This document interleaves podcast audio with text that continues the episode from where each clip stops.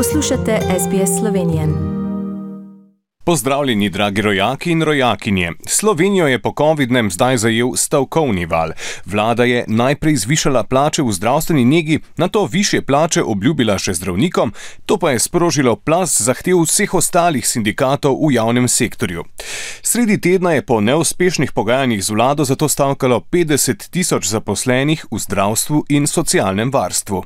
Ne bomo odnehali, dokler ne dosežemo pravega in dostojanstvenega položaja. Mi smo tisti, ki so nas pozabili že ene desetkrat zapored. Ne danes, ne jutri in ne pojutrišnjem javnega zdravstva in socialnega varstva ne damo. V večini zdravstvenih domov in bolnišnic so v sredo zagotavljali le nujno medicinsko pomoč, delo v socialno-varstvenih zavodih ter dežurnih lekarnah pa je potekalo po nedeljskem režimu. Nismo odpovedali nobenega bolnika, eh, niti v diagnostiki, niti v zdravljenju, eh, tako da eh, bolniki stavke ne bodo čutili. Ministra za zdravje Janez Poklukar in delo Janez Cigler Kralj sta ocenila, da stavka ni upravičena. Poslušajmo ministra za zdravje. Zavedam se, da je stavka legitimno urodje sindikalnega gibanja oziroma sindikalne dejavnosti in ji kot taki ne uporekam. Obžalujem pa, da seveda prišlo do take odločitve.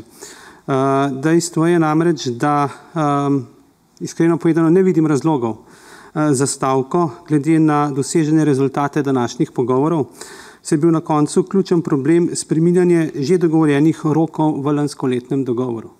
Kot že omenjeno, epidemija pri nas ustrajno popušča. Zdravstvena stroka je v preteklem tednu na posvetu o epidemioloških razmerah začrtala smer postopnega sproščanja epidemioloških ukrepov. Predlagala je odpravo pogoja preboleli, cepljeni, testirani v bankah, poštah, upravnih enotah in trgovinah in podobno, kjer so stiki kratkotrajni. In za te smo predlagali, da se odpravi pogoj PCT-ja, ohranja pa se seveda pogoj maksimalnega števila ljudi, ki so lahko v določenem prostoru istočasno.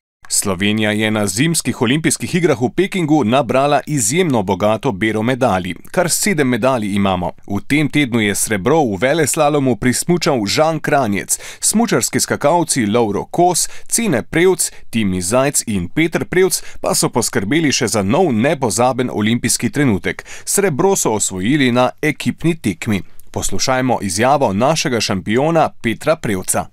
Dolg čas je Slovenija rabila, v bistvu od leta 2002, se pravi 20 let, da se je spet sestavila ekipa in na olimpijskih pokazala, kaj je Slovenija sposobna, tako da smo vsi zelo veseli za to, kar se nam je zgodilo.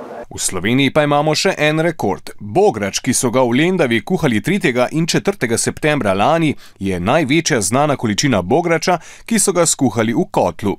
To so v ponedeljek uradno potrdili iz Guinnessove knjige rekordov in v Lendavo poslali certifikat, ki to potrjuje. Kuharska ekipa je v svetovni prestolnici bograča skuhala 1801 kg te jedi.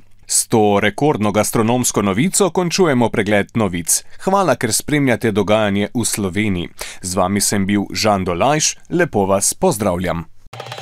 Želite slišati sorodne zgodbe? Prisluhnite jim preko Apple ali Google podcasta, preko aplikacije Spotify ali kjerkoli drugje.